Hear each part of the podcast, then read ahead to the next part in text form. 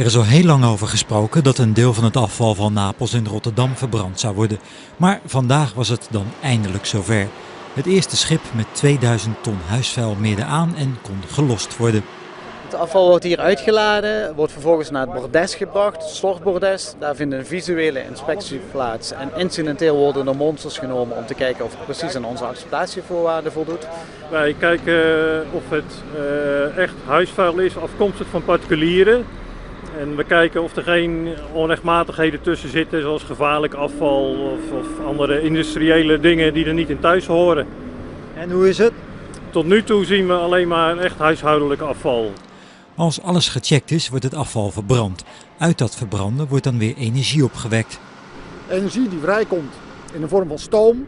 Die stoom die leveren we voor een deel aan onze buurbedrijven, die dat nodig hebben voor hun processen.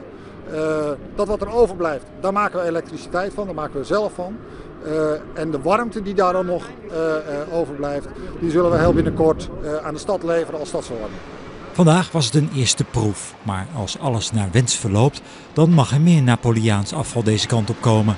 In Nederland is er, is er een overschot aan verbrandingsinstallaties ten opzichte van het afval. En er zijn... Hoe komt dat?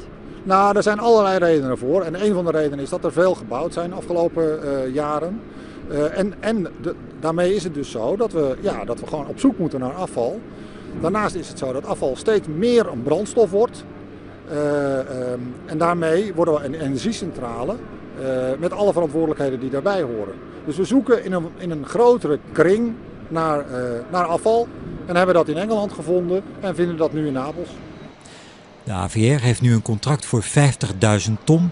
Daarna wordt gekeken of dat meer mag worden.